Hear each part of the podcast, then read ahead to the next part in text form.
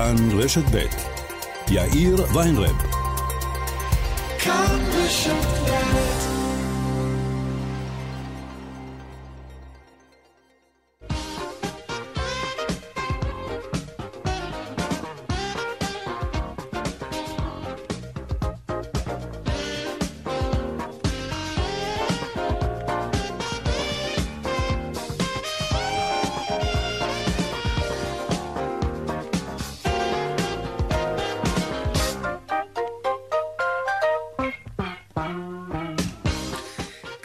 ארבעה ועוד חמש דקות, כאן צבע הכסף ברשת ב', יום רביעי, שלום רב לכם, העורך רונן פולק, המפיק קובי זרח, טכנאי השידור שלנו היום הוא רומן סורקין, הדועל, כסף, כרוכית, כאן.org.il, אני יאיר ויינרב, מעכשיו עד חמש אנחנו מיד מתחילים.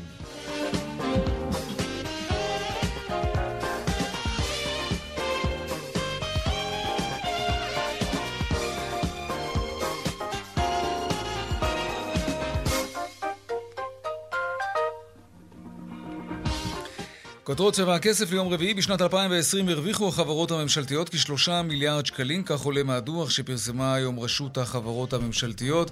שלום ליאל קייזר, כתבתנו לענייני כלכלה. שלום אה, יאיר, וכדי לתת אה, פרופורציה, אז נגיד שלושה מיליארד שקל זו ירידה של כמעט רבע בהכנסות אה, של החברות הממשלתיות ב-2020 ביחס ל-2019, ירידה משמעותית שמיוחסת קודם כל להפסדים המאוד משמעותיים שחברת דואר ישראל ספגה בגלל הקורונה. כמעט 650 אה, אה, מיליוני שקלים שהם איבדו שם, בין היתר, אתה יודע, על שילוח אה, של חבילות ודברים מהסוג המשק הזה. המשק היה סגור הרבה זמן, כן. שנבעו מזה שהמשק היה סגור. מעבר לכך, הוצאה של כמעט מיליארד שקלים על מענקי פרישה לעובדי הדואר, לעובדי נמל חיפה, גופים שעומדים בפני הפרטה ושהיה צורך לחלק בהם מענקים לעובדים כדי להצליח להגיע להסכמים ולהבנות שיאפשרו את המהלכים האלה.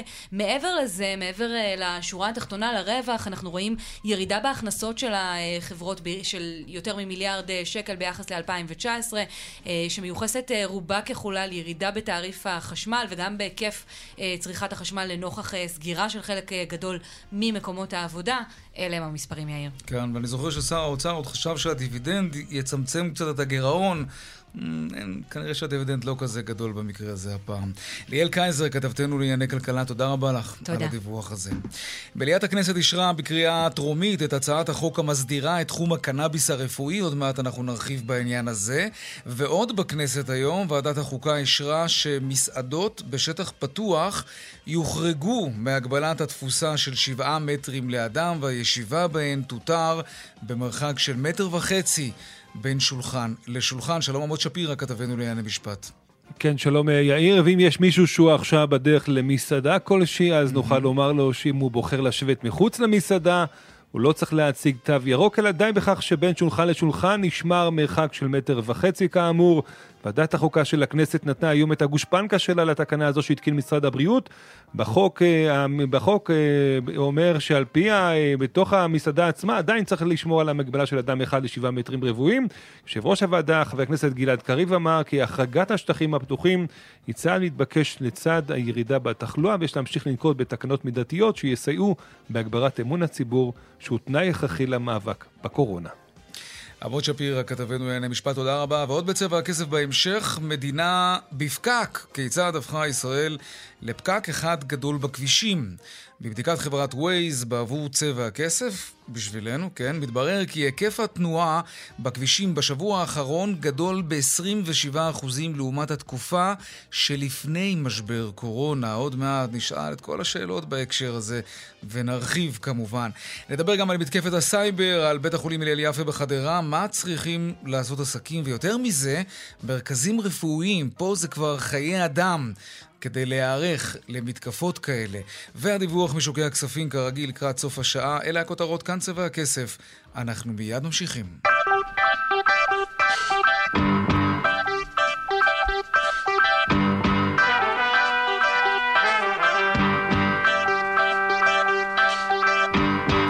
קנאביס, אנחנו פותחים אה, בקנאביס. אנחנו רוצים לברר מה קורה עם הצעת החוק של אה, שרן השכל שאמורה לקדם עוד צעד, אולי אפילו יותר מזה, את הלגליזציה של המריחואנה הרפואית. שלום זאב קם, כתבנו בכנסת.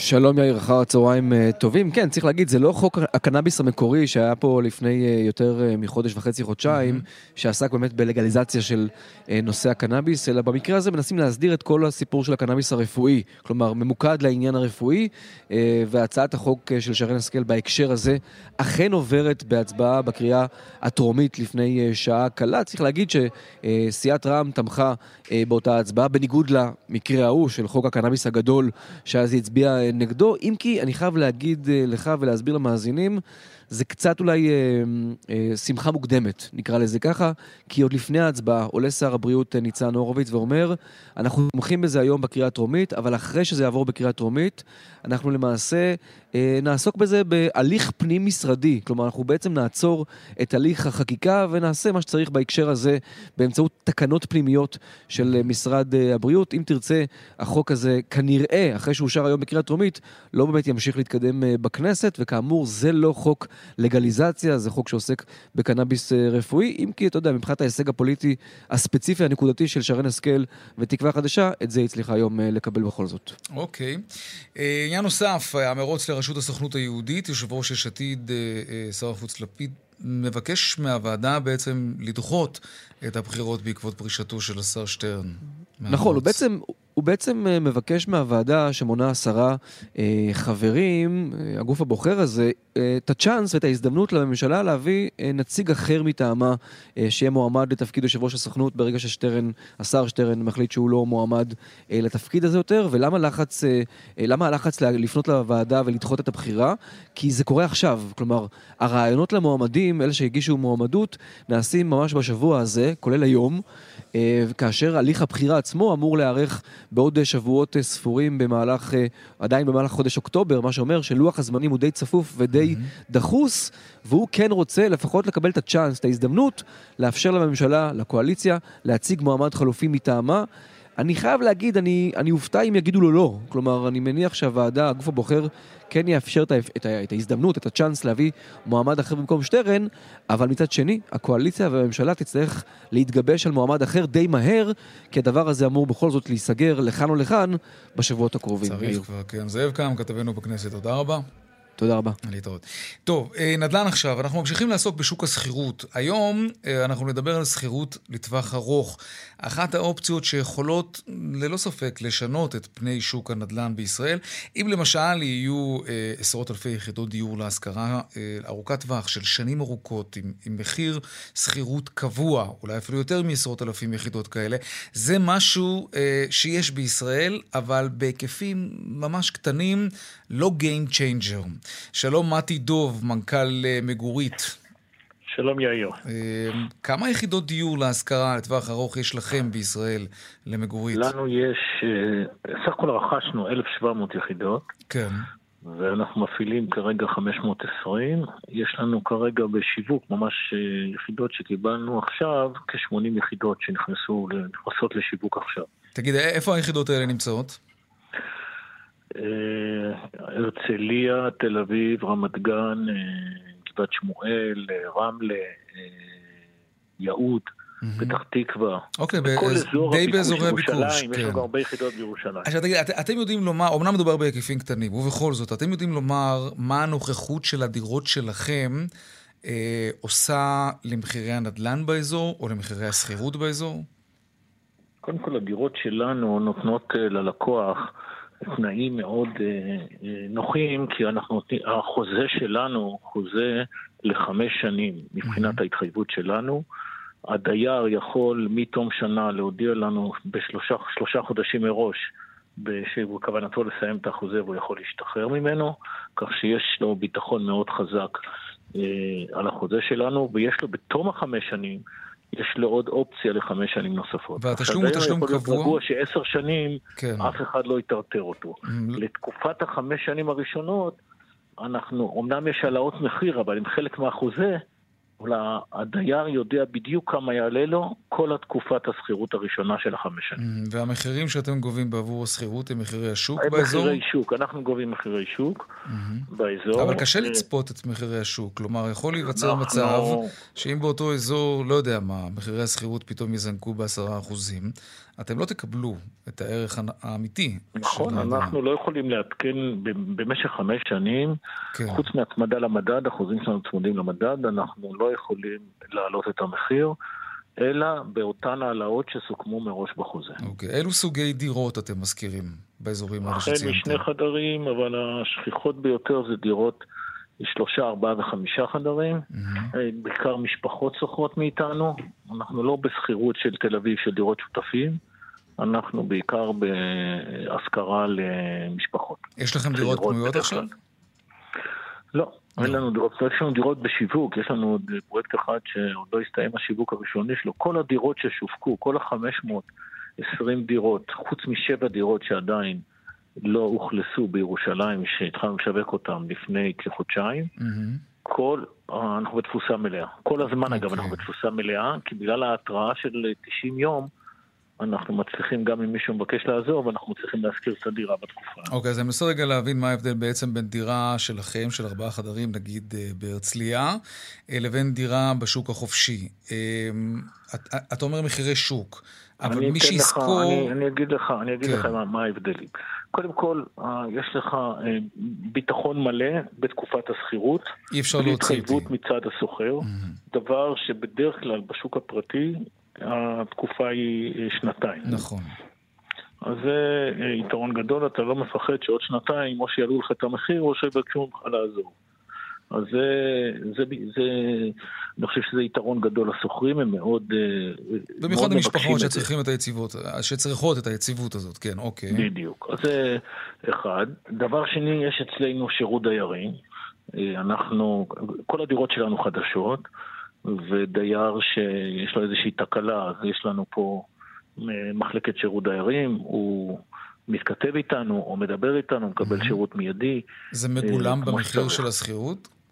כן, ברור. מה שבאחריותנו הוא כן. חלק מהשכירות. לא, אני מתכוון, יכול להיות שאולי הדירות שלכם מעט קצת יותר יקרות אם אתם מספקים שירותי תחזוקה וכולי. לא, אנחנו לא נותנים שירותי תחזוקה, אבל אם יש לו תקלה תקלה, נשבר לו ברז, כי הברז לא היה תקין, אז אנחנו אחראים, אה, אנחנו כמו כל מזכיר, אנחנו כל אחראים על השלמות של כן. הדירה. שאלה אחרת, תראה, כשהריבית עכשיו, אה, כבר תקופה די ארוכה, צריך להגיד, כל כך נמוכה, וזה מאוד מאוד קל לקחת משכנתה. אנשים אומרים לעצמם, אה, מה שאמרו האמת תמיד, הרבה מאוד זמן, אבל עכשיו זה פשוט הרבה יותר קל. אני מעדיף לשלם משכנתה של 5,000 שקלים בחודש, מאשר לשלם שכירות של 5,000 שקלים בחודש, כי בעוד 25 שנה הדירה הזאת תהיה בבעלותי. איך, איך, אה, אני, איך מפצחים כל... את, ה, את הדבר הזה כדי להסביר לאנשים שזה לא תמיד כזה כדאי לקנות דירה?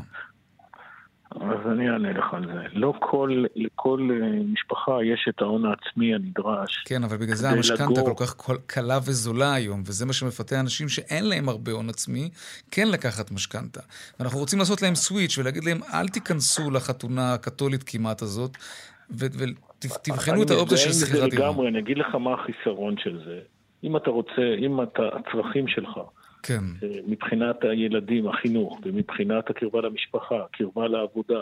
אתה רוצה לגור במקום שמתאים לאיכות חיים שאתה רוצה, לך ולמשפחתך, ואתה יכול לשכור דירה לטווח ארוך, ואז עדיף לך לשכור דירה לטווח ארוך. גם אם יש לך דירה וגם אם החלטת להשקיע בדירה, כן. אז אה, תשכיר אותה ותשכור דירה במקום שמתאים לך. ברגע שאני נותן, אנחנו, מגורית, נותן לך את הביטחון שאתה יכול לגור בדירה עשר שנים, ועשר שנים למשפחה זה תקופה מאוד ארוכה. Mm-hmm. ילדים, ילד בין עשר לעשרים זה כבר צרכים אחרים של המשפחה. ולכן אה, המשפחה שנכנסת לדיור לעשר שנים בביטחון מלא, עדיף לה לבחור את המקום שהכי מתאים לאיכות חיים שלה, אם זה קשרים חברתיים, okay. אוקיי. משפחתיים, חינוך, קרבה לעבודה וכולי. טוב, אתה אומר שיש לכם אפס דירות פנויות, זה אומר ש... שיש אנשים שכן מקבלים את ההחלטה הזאת. ככה לסיום אני רוצה לשאול אותך ברמת המדיניות. אין דירה פנויה, לא רק לנו, אני אומר, כן, אני, גם לח... אני בקשר עם כל הענף, אין כן. דירות להשכרה פנויות באזור הביקוש. מה המדינה צריכה לעשות כדי להגדיל באופן דרמטי את היצע הדירות אה, להשכרה, ובאמת לאפשר לציבור אלטרנטיבה אה, מאשר לקחת משכנתה ולרכוש דירה עכשיו. אז אני אענה לך על זה. אחד הרעיונות שהיו, גם שהוקמו הריטים בתקופה של כחלון, כן. עשו תיקון לפקודת מס הכנסה ולאפשר ריטים, שזה הון של המוסדיים בעיקר. המטרה הייתה להכניס את, את המוסדיים, שזה כספי הפנסיה של כולנו, לשוק הדיור בישראל, שיחזיקו פה פרויקטים של דיור, מתחמי דיור להשכרה, שמחזיקים בכל העולם אגב. קרנות הפנסיה שלנו משקיעות בכל העולם, רק לא בישראל. סך הכל הם השקיעו בהון אה, מיליארד וחצי שקל בשני הריטים הקיימים, זה כל ההשקעה שלהם בדיור בישראל דרכנו. כל מה שהממשלה צריכה לעשות זה לעודד אותנו לאפשר לאותם כספים להגיע mm-hmm. לשוק הדיור להשכרה, זה יאפשר לעשות פרויקטים יותר גדולים. אה, וגם התחלות בנייה יהיו יותר, וגם הביקוש לקניית דירות ירד כתוצאה מזה, אז זה קצת okay. אוקיי. ימתן את עליית המחירים. מה הממשלה אבל צריכה לעשות בתכלס? יש שני דברים שאנחנו מבקשים מהרגולטור, שני תיקונים לפקודה. אחד, ביקשנו שה, שהמדינה תהיה ערבה לחוב שלנו. למה אנחנו מבקשים את זה? זה יאפשר לנו להגדיל את המרווח לבעלי ההון בחברה. כי היום אנחנו אומנם מגייסים כסף יחסית זול, בסביבות אחוז צמוד המדד, אבל mm-hmm. אם תהיה ערבות מדינה, נוכל להוזיל את זה לסביבות כמעט אפס, רק הצמדה למדד. כן. אוקיי, אולי, אולי נוכל אה, להעמיק בזה בהזדמנות אחרת, אבל זמננו תם. מתי דוב, מנכ"ל אה, מגורית, קרן אה, ריט למגורים, המתמחה בשכירות לטווח ארוך, תודה רבה לך. טוב, אה, לצד החזרה לשגרה ופתיחת הכלכלה והמשק חזרו גם הפקקים האיומים לכבישים, וזה סיוט. שלום רונן פולק. סיוט, ממש. מה זה סיוט? אתה, אתה מדבר, אתה קם מוקדם, אתה אין לך את זה. עזוב, בחייך, אבל שנינו יוצאים מפה, נכון? בסביבות חמש ורבע אחר הצהריים כל יום, אחרי התוכנית. כן. ועומדים פה שעה כן. ליד הכיכר בערך. לא, בסדר, ויש אחרי זה גם בהמשך. ובהמשך, עזוב, אני, שמע, זה נורא.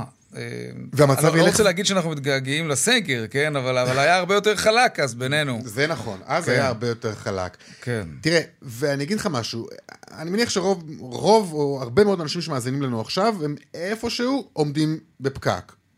או לא על עשרה קמ"ש. משהו כזה. בכביש מהיר. זה גם לא משנה איפה, וזה לא משנה באיזה יום, ומתי יצאת מהעבודה, סביר להניח שאיפשהו נמצאים ועומדים, או זוחלים, או איך שלא תגדיר את זה. והתחושה הזאת היא באמת, היא תחושה שכל אחד ואחד מאיתנו מדבר עליה, כל הזמן. אנחנו מדברים על זה, תשמע, היינו בפקקים פה, וכמה זמן לוקח להגיע ממקום למקום, וזה הולך ונהיה אה, אה, נורא יותר ויותר. ועם התחושה הזאת שלי הלכתי גם לחברת ווייז, וביקשתי שיבדקו מה מצב הפקקים בימים אלה, ושאת ההשוואה הזאת יעשו לתקופה, אה, לא לתקופה המקבילה אשתקד, כשכולנו ממילא לא חוכמה. היינו בסגר א', ב' וג', אלא שיבדקו את זה לעומת התקופה שלפני הקורונה. כשגם אז 2019. הייתה... כשגם אז, אתה זוכר, הייתה קטסטרופה בכבישים. היה קטסטרופה ולא ידענו מה זה קורונה, כן. נכון. עכשיו בוא תשמע מה הם גילו. אמ, קודם כל אכן, נרשם גידול של 27% בהיקף התנועה בין השבוע הזה שהם בדקו, לבין חודש פברואר 2019. לפני אה, שנתיים. 27 אחוזים יותר. כן. השבוע הזה... השבוע הזה. כן. כמדומני זה היה בעשירי... אה, בעשרה לחודש. אוקיי, עשרה באוקטובר והלאה, mm-hmm. 2021, לעומת אותם תאריכים בדיוק ב-2019. לא, לעומת פברואר לפני שנתיים. פברואר? הם בדקו את פברואר לפני שנתיים, לקחו יום בפברואר לפני שנתיים, כן. למה? למה את פברואר? אני לא יודע. צריך לבדוק את זה עונתית. אבל האמת שבפברואר אה, גם... למה? דווקא בפברואר? בחורף יש הרבה יותר פקקים מעכשיו. מה אתה מדבר? אחי, טיפת גשם אחת. אתה יודע מה זה עושה בכבישים תמיד? אני לא בטוח, תראה, שמע. תמיד כשבאים הגשמים, אין תיירים הפקקים... בארץ לצורך העניין, בסדר. אוקיי? לא שיש בפברואר כל כך הרבה תיירים, mm-hmm. אבל, וגם, טוב, לא יודע, האמת שזה די מוזר, היה צריך אולי להשוות את זה לאוקטובר, אבל לא משנה. בוא נבדוק גם חלוקה ל... ימי לה... שגרה, אין חגים וכולי, בסדר? אז גם פברואר, גם אוקטובר נגיד דומים מהבחינה הזאת. Mm-hmm. Uh, אתה אומר עכשיו יש יותר, יש גודש שהוא גדול ב-27 אחוזים, כן, לעומת מה שהיה. היקף תנועה שגדול ב-27 אחוזים. כן, בוא נצלול לתוך הערים, יש גם נתונים לגבי זה. כן. Uh, ירושלים, עלייה של 19 אחוזים. תנועה בתוך העיר. כן, כבישים אה, כן. בעיר, כן. חיפה, עלייה של 24 אחוזים. באר שבע עלייה של כמעט 30 אחוזים. אני, אני לא מבין. מה אתה לא מבין? לא יודע, כל הזמן מספרים לנו שאנשים, יותר ויותר אנשים עובדים מהבית. זה, אמרו, כן, מה, זה יוריד גם את הגודש בכבישים קצת. אנשים לא עובדים מהבית, אם כך. או, או שאנשים פוחדים לנסוע בתחבורה ציבורית בעצם, ואז הם מניעים את האוטו. זה דבר אחד. כן, אנשים אוקיי. נוסעים הרבה הרבה כן. פחות בתחבורה ציבורית. מפחדים בגלל הקורונה. נכון. ואז מה אה, הם- אוקיי, זה ואז- יכול להסביר את זה, כן. ואז מה הם עושים? מה? הם רוכשים עוד מכוניות. ואתה יודע כמה מכוניות נרכשו כאן מתחילת השנה, תשעת החודשים הראשונים של השנה? 250 אלף מכוניות חדשות. רבע מיליון מכוניות רבע חדשות. מיליון מכוניות רגע, חדשות. אבל- אני מדבר איתך על תשעת החודשים בסדר, הראשונים של אבל- השנה. אבל גם גורטים, אז כ- כמה... לא, לא, עזוב, זה- כמה זה- זה- רכשו זה בתשעת זניח. החודשים הראשונים ב-2019, אנחנו יודעים להגיד אם זה- אם זו קפיצה. זה- כי המצב הכלכלי דווקא די הידרדר, אז אני אספר לך שאנשים קונים פחות מכוניות עכשיו. אנשים קנו בטירוף מכוניות השנה. כבר דיברנו על זה לדעתי גם בתוכנית הזאת, על כך שאנשים פיצו את עצמם על זה שהם לא נסעו לחו"ל. נכון, היה להם כסף פנוי. נכון, והיה להם כסף פנוי וכיסו איפה להשקיע אותו, והם כן, קנו אבל אז הם עוד נסעו אוטו. לאילת, אז הם ויתרו על הקטע של האוטו, כי באילת לקחו להם את כל הכסף במלונות. הכל יכול להיות, אבל אנשים קנו הרבה מאוד מכוניות, ואנחנו מדברים על כן. שיא. אנחנו נסגור את השנה הזאת עם שיא של כל הזמנים. אבל כל שנה אנחנו. שומרים את לא, לא, השיא. לא, לא, לא, 2016 הייתה שנת השיא בזמנו. כן. מאז אה, המספרים לא עלו, המספרים נשארו... אני חושב שכן עלו, אבל לא משנה, אוקיי, נבדוק את זה אחר כך. משנה לשנה קונים פה יותר ויותר מכוניות, כי המצב הכלכלי גם אוקיי, משתפר. השנה הזאת עומדת להיות שנת שיא, זה אומר עוד מכוניות על הכביש, אנשים נוסעים פחות בתחבורה ציבורית, וזה אומר שהכבישים פשוט מפוצצים. בוא'נה, תקשיב, בטח חברות הדלק עשו קופה מתחילת השנה, חבל על הזמן. אה, כן. אלא אם כן קונים יותר מכוניות חשמליות. ועוד- לא- דיברנו אגב על, כך שהסיפור הזה הוא לא רק טורדני עבורנו להיות תקוע בפקק, יש לזה גם מחיר כבד מאוד באובדן שעות עבודה למשק. אנחנו מדברים על יותר מ-20 מיליארד שקלים בשנה, אממ. לא כולל תאונות דרכים וזיהום אוויר, רק אה, העובדה שעמדת בפקק. זה די מדהים. טוב, אה, נצרף את יובל שמואלביץ', מנהל פרויקטים בכיר בווייז. פאג' נראה לי קוראים לו גם. פאג'? אכן, אכן, פאג'. לא פאג'? פאג'. לא פאג', פאג'. פאג' זה טוב דווקא. טוב, זה כן, לא רע. תגיד, זה נכון שאתה העובד הראשון בחברה, בווייז? אה, אכן, אחרי המייסדים. אה, עשו את הטעות וגייסו אותי. אתה זוכר את הראיון עבודה שעשו לך? אה, כן, אני זוכר רעיון עבודה. אתה זוכר איך תגיד, הגעת ליעד? התלבטת? התלבטת אנחנו- אם לקבל את ההצעה או לא? אני הכרתי אותם עוד מקודם, את. חלקם לפחות מקומברס, אה, אה. ממש צריך לעשות את הרעיון. אוקיי. טוב, תגיד, מה ההסבר שלך למה שאנחנו רואים קפיצה של 27% בימי שגרה בגודש בכבישים? והכלכלה עוד לא פתוחה לגמרי, אנחנו מזכירים, כן? אה, אני חושב שזה בעיקר קשור לקצב רכישת המכוניות מול, ה... בוא נגיד, הוספת כבישים, ש... שלא מצליחה להדביק את הקצב. אה, גם העבודות בכביש, יש די הרבה עבודות אה, בכבישים ראשיים שהם מוסיפים מלא. עכשיו אה, נתיבים, כן. נתיבים של תחב"צים, בהחלט מוסיפה לעומס. אבל זה נכון, כלומר, התחושה שלנו היא נכונה, אנחנו תקועים הרבה יותר כן, זמן כן. בכבישים. זאת אומרת, בהחלט. זה בהחלט. מגובה אה, בנתונים של- ש- שאתם רואים ואוספים. כן, חד משמעית, אה, יש יותר ו... צמצמו. קווים, קווי תחבורה ציבורית, יש פחות תנועה של אוטובוסים בגלל הביקוש, או בגלל שחברות האוטובוסים נוסעות פחות. זה, זה אני לא יודע, אני יודע שהיו כל מיני דיווחים על זה שיש פחות רכבות ופחות אה, אוטובוסים mm-hmm. וכדומה. אה, יכול להיות שחלק מזה זה היה שבגלל התפוסה בזמן הקורונה, שהיו פחות אנשים יכלו לעלות לא, לאוטובוסים לקרונות, ואז אנשים איבדו את האמון. אבל בהחלט רואים שיש הרבה יותר נסועה. עכשיו, זה- אה, תגיד, זה משפיע על המערכות שלכם? כלומר, בחישוב שאתם עושים, יש לכם איזה סוג של אלגוריתם, נכון? ש- ש- שעובד ויודע לצפות גם אה, תנועה בכבישים. זה קצת מחרפן לכם את המערכות? אה, זה לא מחרפן, אבל זה בהחלט השינויים, ואני חושב ששינויים בהרגלי הנסיעה בהחלט מוסיפים מידע ומשנים את המידע, בוא נגיד ההיסטורי. בזמן אמת המידע הוא מה שהוא, ויש גם אנחנו הסתמכות על, על מידע היסטורי, ושם זה בעצם תהליך זוחל, כי אנחנו בעצם עושים אה, ממוצעים. אוקיי. אה, אנחנו אבל בוחנים את כל הנושא הזה של, ה, של האלגוריתמיקה, ו- ועושים את ה fine tuning.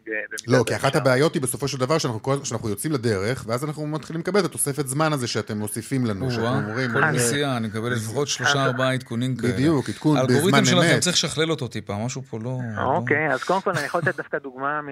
שנסעתי לחתונה לפני מספר שבועות מרמת השרון. ל- ת- תזכיר לי אחרי זה לתת דוגמה מהחתונה שאני נסעתי אליה לפני כמה. שבועות. גם לי יש דוגמה מאיזה חתונה שנסעתי אליה. לא, זה היה בר מצווה, סליחה, כן. בקיצור, לקיסריה. אני לקחתי את כביש 4, לקח לי שעה 45, אני מדבר על קומת השרון לקיסריה. ואנשים נסעו בכביש 2, כביש החוף, לקח להם שעתיים וחצי, בין השאר כי הייתה שם תאונה. Mm-hmm. אנשים שהכירו אותי, שהגעתי, זה לא, לא הסתירו את דעתם ואת זעמם. בסוף יש, יש שני נתיבים להגיע, עוד פעם, מאזור, אה, בוא נגיד תל אביב, מאזור גוש דן לקיסריה, כביש 2 וכביש 4.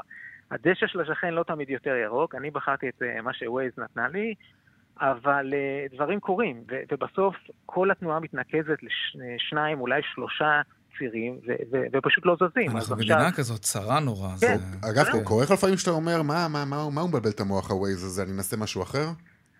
אה, זה לא, קורה לנו. אגב, רוב הפעמים שעשיתי את זה, ועשיתי, כן. התחרטתי אחר כך. באמת? כן. כן. בוא נגיד, בוא נגיד שאם יש משהו כזה, אז אני בדרך כלל מנסה לדווח לקבוצות הפיתוח, כדי שיבואו ויבחנו את הנושא, אם יש באמת משהו אה, מהותי ובעיה. יש לנו עוד כמה שאלות לגבי אלגוריתם, אבל לפני זה אני רק רוצה לדעת, אנחנו שונים בנוף העולמי, או שההתגברות של הפקקים ועומסי התנועה זו תופעה שרואים אותה בכל העולם? יש, יש בהחלט אה, יותר נשואה, זאת אומרת, אנחנו רואים את זה גם, ב, גם באירופה, אה, וגם בארצות הברית. זה, זה תלוי קצת מבחינת המדינות, עוד פעם, יש מקומות שפתאום הסגר חוזר, והגבלות כאלה ואחרות, זה, זה עדיין לא התייצב לחלוטין מהבחינה mm-hmm. הזאת, אבל בהחלט יש, יש יותר נסועה. אני מניח עוד פעם שחלק מזה גם, זה, זה גם חשש של אנשים לנסוע בצוותא עם, עם אנשים אחרים, זאת אומרת, אה, זה, זה קומבינציה בהחלט okay. ש, אוקיי. שהקורונה באה והשפיעה על, על הרגלי הנסועה של ה...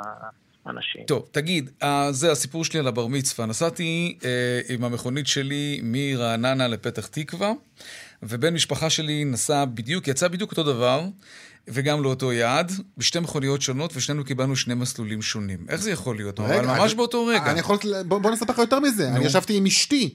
כן. אה, באותו רכב, שנינו הפעלנו ווייז, שנינו קיבלנו מסלולים שונים. נו, זה ברור, כי שיגעתם אותו, הווייז רואה שאתם יושבים באותו אוטו. מאיפה הוא רואה? סתם, צוחק, נו.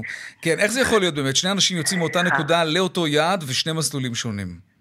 אז קודם כל, המידע משתנה ממש ברמה של שברירי שניות. זאת אומרת, אה, המידע מבוזר על הרבה שרתים, ו- וקצת אה, יש פה עניין של בדיוק העדכון אה, התנועתי שיש בשרת שאולי אתה הגעת, מול השרת של החבר ש- שלך הגיע, ולכן יכולים להיות סטיות כאלה ואחרות. בגדול, השינוי הוא לא גדול, ו- ובדרך כלל, עוד פעם, האלטרנטיבות, הרבה פעמים שאתה רואה, זה אחד 44 קילומ... נגיד 44 דקות, השני 45, 46.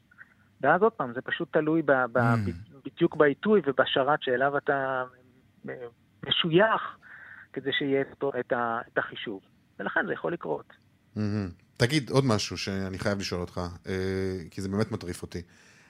אתם לוקחים אה, בכוונה אנשים דרך כבישי אגרה? לא. האפליקציה? לא, ממש לא. זה אגדה אורבנית יפה, זה, אבל... זה הדיפולט, אבל נכון? אתה יכול להגדיר שם, שאתה לא, לא רוצה לנסוע דרך כביש אגרה. אבל הגדרת הדיפולט שלך, מה שנקרא, כן. אמ, היא שאתה נוסע, שלוקח אותו דרך... אם זו הדרך הכי קצרה, אז, אז לא טוב. אנחנו, לא יודע, יפעת שתענה אתה. כן. אנחנו מנסים לתת את הדרך האופטימלית. ולכן גם יש את הנושא של... אופטימלית זה מה? זה זמן, נכון? זה קומבינציה של, כן. זה קומבינציה של, של זמן, וה, והסיכוי גם להיות uh, uh, צודקים. זאת אומרת, ככל שהכביש הוא יותר uh, קט, uh, קצר, יש בו למשל יותר עצירות, נגיד בתוך העיר, שיש הרבה סגמנטים ורמזורים, ואנשים חוצים את הכביש וכולי, אז הסטייה עקרונית מה, מהממוצע יכולה להיות גדולה יותר. ולכן mm-hmm. כבישים רציפים, לא משנה, כביש 2, כביש 4 וכדומה, שיש בהם פחות... אה, נקודות עצירה וצמתים, אה, אה, הם נכנסים גם בחישוב. זאת אומרת, יש די הרבה פרמטרים שנכנסים בחשבון בשביל לבוא ולתת לך את מה שאומרים הנתיב האופטימלי. Mm-hmm. והמטרה בסוף זה להיות כמה שיותר קרובים מבחינת הסטטיסטיקה. אז זה לא שיש לכם הקשרים עסקיים עם כביש 6. לא, אין לנו, זה אגדה אורבנית כאמור אוקיי. יפה, תגיד, אבל זה לא נכון. שאלה אחרת, קצת, קצת עדינה ורגישה, אני חייב לשאול, וזה רק אה, רונן, אתה, אני ושלוש מאות אלף המאזינים שלנו שומעים. האם התבקשתם אי פעם על ידי המשטרה או גורמים אחרים ליצור עומסים במקומות מסוימים, או להפך, דווקא לפתוח תנועה, הרי אתם מסוגלים לעשות את זה בקלות, בלחיצת כפתור, בגלל איזשהו משהו כזה מאוד מאוד רגיש. הייתה מעורבות כזאת של ווייז? אני לא מכיר כזאת, וגם אני לצערי נאלץ לחלוק על דעתך שזה בלחיצת כפתור. לבוא ועכשיו ללכת לשנות את האלגוריתם, וזה פעם, זה דורש אה, שינוי ממש, ולהגיד, אנחנו עכשיו מפנים את כביש 2, זה מאוד, זה לא כן, זה לא מסובך? כרגע זה בלתי, לא, זה בלתי אפשרי היום. אין לנו, אין לנו כזה, אין לנו כזה... לא, אתם אה, בסך הכל צריכים לנתב את כולם מכביש החוף לכביש אחר. אין בעיה, אז דמיון, דמיון, לא, זו שאלה מעניינת. אתה יודע, אבל אם כבר משטרה, אני רוצה לשאול אותך, יכול להיות שהמשטרה גם לא ממש אוהבת את הקטע ש... אתם נותנים התראות על ניידות משטרה שעומדות אה, בסוף ה... אני, אני נתקל בזה המון, שאתה רואה כאילו פתאום, כן. כולם נותנים איזשהו ברקס קטן. מה זה ברקס קטן? נותנים פתאום, ברור. כנראה כולם קיבלו פתאום איזושהי התראה של משטרה לפניך. צריך לבדוק למשטרה אם מאז שווייז אה, נכנסה לחיינו, יש ירידה במספר הדוחות על מהירות. אה, שווה, שאילתה, קובי? תעביר שאילתה רגע למשטרה. כן. אז קודם כל, אה, לא, אני לא מכיר כזאת טענה, ובסך הכל הגישה של המשטרה, וזה אני כן יודע, בדיוק כמו הנושא של מצלמות מהירות, ש, שמעבר לחיווי שיש נגיד בווייז, יש לך את השלטים לפני זה שהם מתריעים בפניך שיש מצלמת מהירות. המטרה היא בעיקר הרתעה ועוד פעם, מניעת אה, תאונות וכדומה. המטרה שלהם היא לא לבוא ולחלק אה, דוחות. ולכן, כיוון שעוד פעם, המטרה זה התראה ונוכחות, וכדי שאנשים באמת, כמו שאתה אומר, אה, ייסעו יותר לאט וכדומה, אז אה, אני לא שמעתי שום תלונה בנושא. אוקיי. פאג' יובל שמואלביץ', פאג', למה פאג'? מה? פאג', פאג'.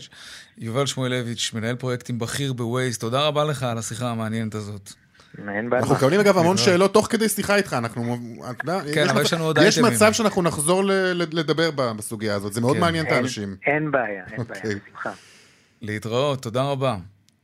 מה אתה אומר על דיווחי תנועה קצת אחרי האייטם הזה? כן, יאללה. יש מצב. יאללה. דרך 71 לכיוון מערב נחסמה לתנועה ממחלף נבות לכיוון עפולה בגלל משאית שהתהפכה שם. המשטרה מבקשת מהנהגים לנסוע בדרכים חלופיות. דרך 675 מערבה, עמוסה מאוד ממחלף נבות עד צומת יזרעאל. זה אותו דבר שם, לא? כן. בדרך 6 צפונה, אה, עמוס ממחלף נשרים עד בן שמן, ודרומה ממחלף נחשונים עד ניצני עוז בגלל תאונת דרכים, סעו בזהירות. עדכוני תנועה נוספים בכאן מוקד התנועה, כוכבי 9550 ובאתר שלנו, אתר התאגיד, אתר כאן. הפסקת פרסומות קצרה, מיד אנחנו חוזרים. רונן פולק, תודה רבה. תודה, יצא אייטם מאוד מאוד ארוך. אני, אני, אני צריך לראות מה, אנחנו נעביר ליום ראשון חלק כן, מהאייטמים, זה מה שנעשה. יאללה, ביי בינתיים. 39 דקות אחרי השעה 4, חברת אורקל חנכה היום מתקן ענן בישראל. כולנו משתמשים בעננים, אה, מפקידים שם מסמכים ותמונות ומידע עצום, וזה קורה בכל העולם כמובן. מה המשמעות של ענן כזה, כאן, אצלנו, של חברת אורקל בישראל? שלום ערן פיינגנבאום, מנכ"ל אורקל ישראל. שלום לך. ש... שלום וברכה. אני אמרתי את השם משפחה נכון? פי... כן. פייגנבאום. כן. הישראלים יותר קל להגיד את זה מאשר האמריקאים. כן, לא, תשמע, אני ויינרב ואני כל החיים משבשים לי, אז אני רגיש לעניין הזה, אז אה, כן. טוב. תגיד, המתקן הזה, הענן, קבור בעומק של תשע קומות בתוך האדמה, זה נכון? זה נכון מאה אחוז. תשמע, כשאתה בונה חוות שרתים, כל מקום יש לה את הסיכונים שצריך uh, to manage. ובארץ לצערי אנחנו צריכים לדאוג לטילים וכל מיני חומרי נופץ אחרים. אז uh, לבנות את זה תשע קומות מה, מתחת לאדמה, שחס וחלילה נופגע, פוגע טיל או קטע בזה, הענן, הענן פשוט ממשיך לרוץ. אז תגיד, אם, אם בכל זאת אתה מעלה את האפשרות הזאת, אם חלילה מתקן כזה נפגע, אה, והוא אוגר בתוכו המון מידע, אה, רעידת אדמה, טילים, חס וחלילה, מתקפת סייבר, לכל המידע הזה שם, יש, יש איזשהו גיבוי? זו שאלה טובה. אז היום פתחנו את הענן הראשון שקיים בארץ, וגם הכרזנו שאנחנו נקים עוד ענן, מקום לגבי אותו, עד uh, סוף 2022. האמת שיש לנו היום 30 אזורי ענן מסביב לעולם, ועד סוף 2022 יהיה לנו 44, אז אנחנו פותחים עוד 14, כולל עוד אחד רגע, אז לא כבר הבנתי, הענן הזה עכשיו שפתחתם היום, שחנכתם אותו היום, הוא כבר פעיל? הוא, הוא כבר, פעיל 100%, יש פה כבר לקוחות. יש לו את הגיבויים? כלומר, אם חלילה קורה משהו, או שעדיין לא? אתה יכול לגבות דברים בתוך, ה, בתוך האזור עצמו, כן. אתה יכול גם לגבות דברים מחו"ל כרגע, mm-hmm. יש לנו, כמו שאמרתי, עוד, עוד 29 אזורים, Aha, אוקיי. אבל גיבוי... uh, בתוך הענן, בתוך הארץ, זה כרגע היחידי mm. שקיים. Uh, שזה גם אופציה נהדרת לחברות שאין להם גיבוי היום. שהם, שהם לא בענן, שמריצים את הסרבר בעצמם, אז עכשיו זה, הם יכולים גם להשתמש בענן הזה בתור הגיבוי. Mm-hmm. אוקיי. Mm-hmm. Okay. כמה מידע אפשר להכיל בענן כזה? זה ש, שחנכתם היום. כן, זה, זה, זה, זה כמה מידע יש על האינטרנט, כאילו, זו שאלה ש... יותר ממה שאנחנו יכולים לחשוב. Uh, זה לא, לא, לא מילאנו אף מהעננים שלנו, עד הסוף, לא? כן. Uh, הרבה חברות רצים מהענן שלנו. מי למשל? מי הלקוחות שלכם? זום.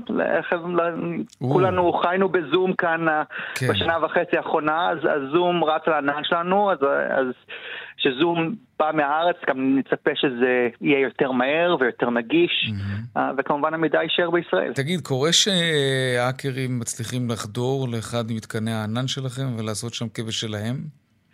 טו-טו-טו לא קרה, ובנינו ענן שונה מהעננים האחרים, שממש התחלנו עם הרקע של security, אבטחה של מידע, הצפנה של מידע, אז עשינו את זה ממש הרבה יותר קשה. אורקל הגיע קצת יותר מאוחר לשוק של העננים, והיתרון בלהגיע מאוחר זה אתה יכול ללמוד ממה, ממה שבא לפניך, יש חסרונות ויש יתרונות. אמ-המ. ושאר העננים נבנו לפני 15 שנה, אז אנחנו בנינו את שלנו לפני 5 שנים. אני כל הזמן מנסה לדמיין מה זה הענן הזה, וזה ישר זורק אותי לענן אמיתי, וזה ברור שזה לא נראה ככה. איך, איך, זה, איך נראה מתקן כזה, שאנחנו כל הזמן שואלים אותנו, איפה שלא נהיה, כן, אם זה באפל או בגוגל, אם אנחנו רוצים לשמור בענן, אז... יודע, אנחנו מדמיינים שזה איזשהו מקום ארטילאי כזה. איך נראה ענן? פיזית, שיהיה יותר קל לדמיין את זה. כן, יש הרבה שמירה להגיע לענן, לחווה של השרתים עצמם. שמירה? מכל מיני, סוג, מכל מיני סוגים, כן, כמובן אתה לא רוצה תיירים שיבואו, מבקרים אחרים, מה, חברת שמירה, מאבטחים חמושים עומדים באיזשהו רדיוס מסוים? אה, לא, לא יכול לדבר על אוקיי. המארגנים, אבל באמת... אה, ואחר כך אתה נכנס לחדר ענק, כן. שפשוט אתה רואה שורה אחרי שורה של מחשבים, ועל כל מחשב, ועל כל שורה כזאת יש גם כמויות של מחשבים. Mm-hmm. זה פשוט לא מפסיק. אה, וזה תשע קומות בעומק האדמה. כן, החדר המחשבים קומות... הזה. בדיוק. כן.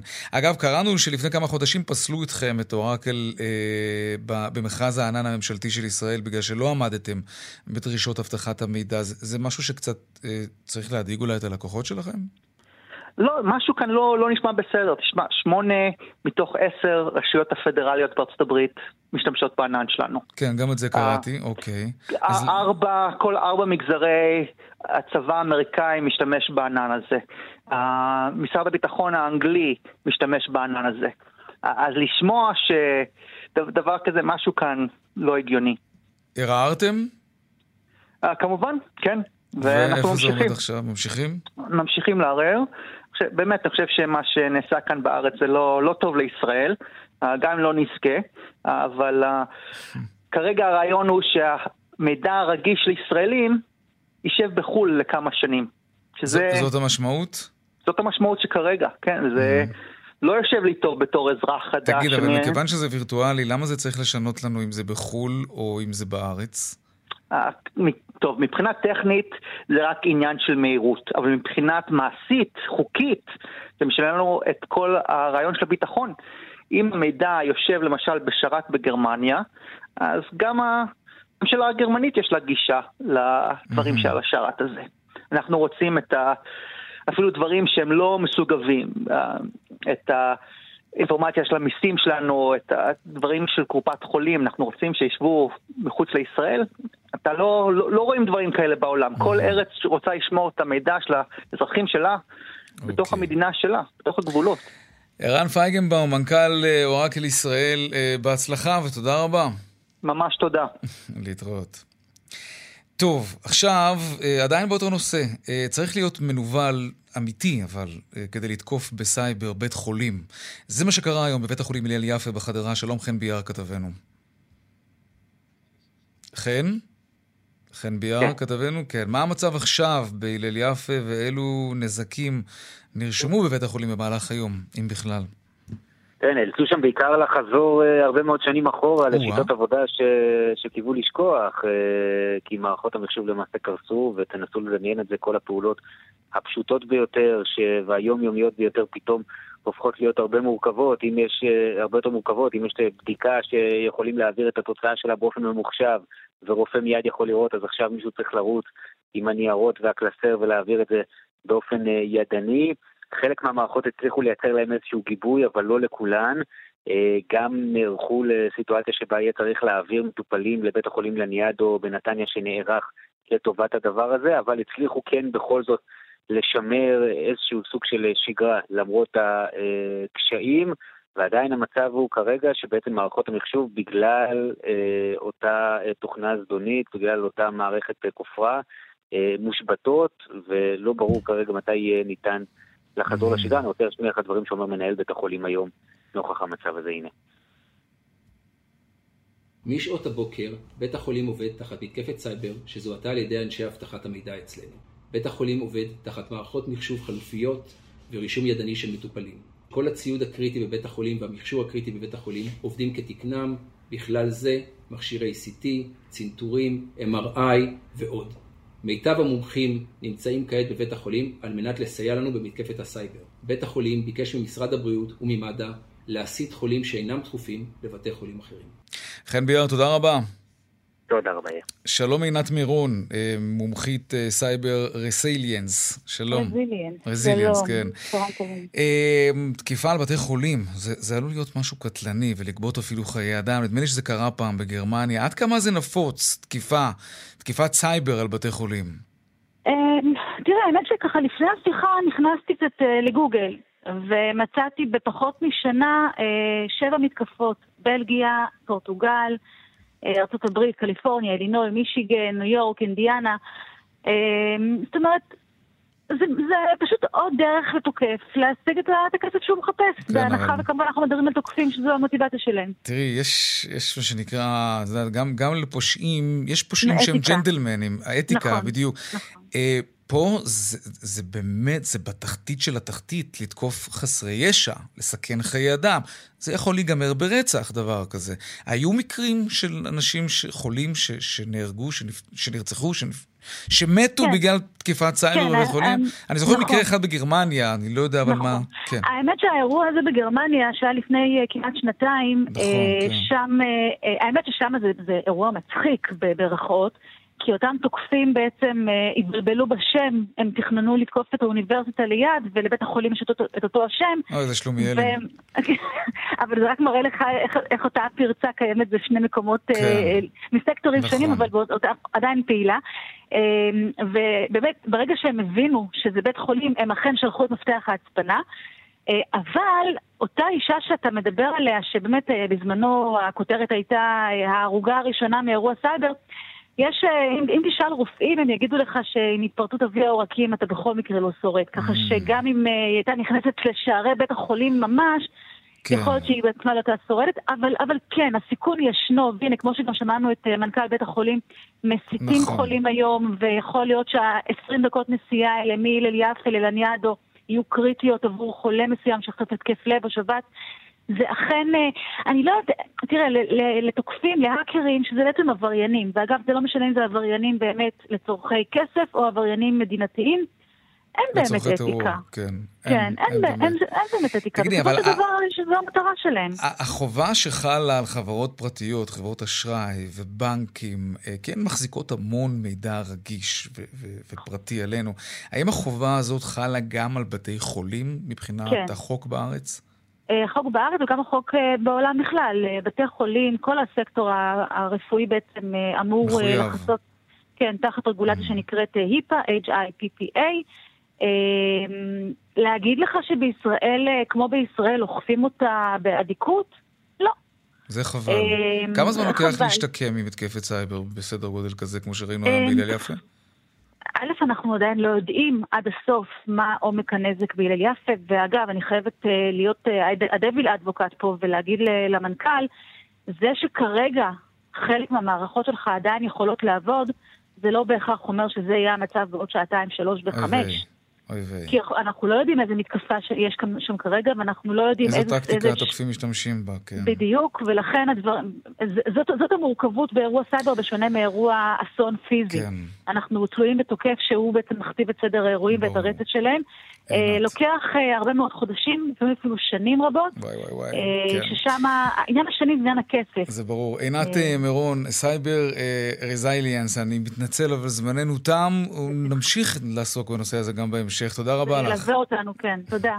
פרסומות עכשיו.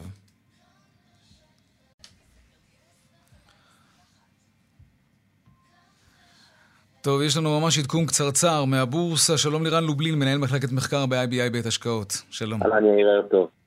כן. Uh, טוב, אז uh, המסחר היום uh, בתל אביב uh, התנהל במגמה חיובית. Uh, תל אביב 35 uh, עולה כרגע ב-0.4 אחוז, uh, תל אביב 125 בכחצי אחוז.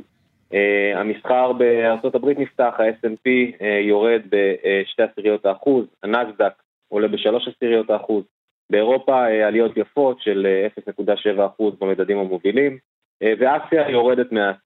בגזרת המטח, אה, שער הדולר היציג נסגר על 3 אה, שקלים 23 אגורות ו-5 עשיריות, ושער האירו על 3 שקלים 74 אגורות ועשירית אחת. לירן לובלין, מנהל מחלקת מחקר IBI בית השקעות, תודה רבה לך על הסקירה הזאת פשוט. תודה רבה, יורד. להתראות.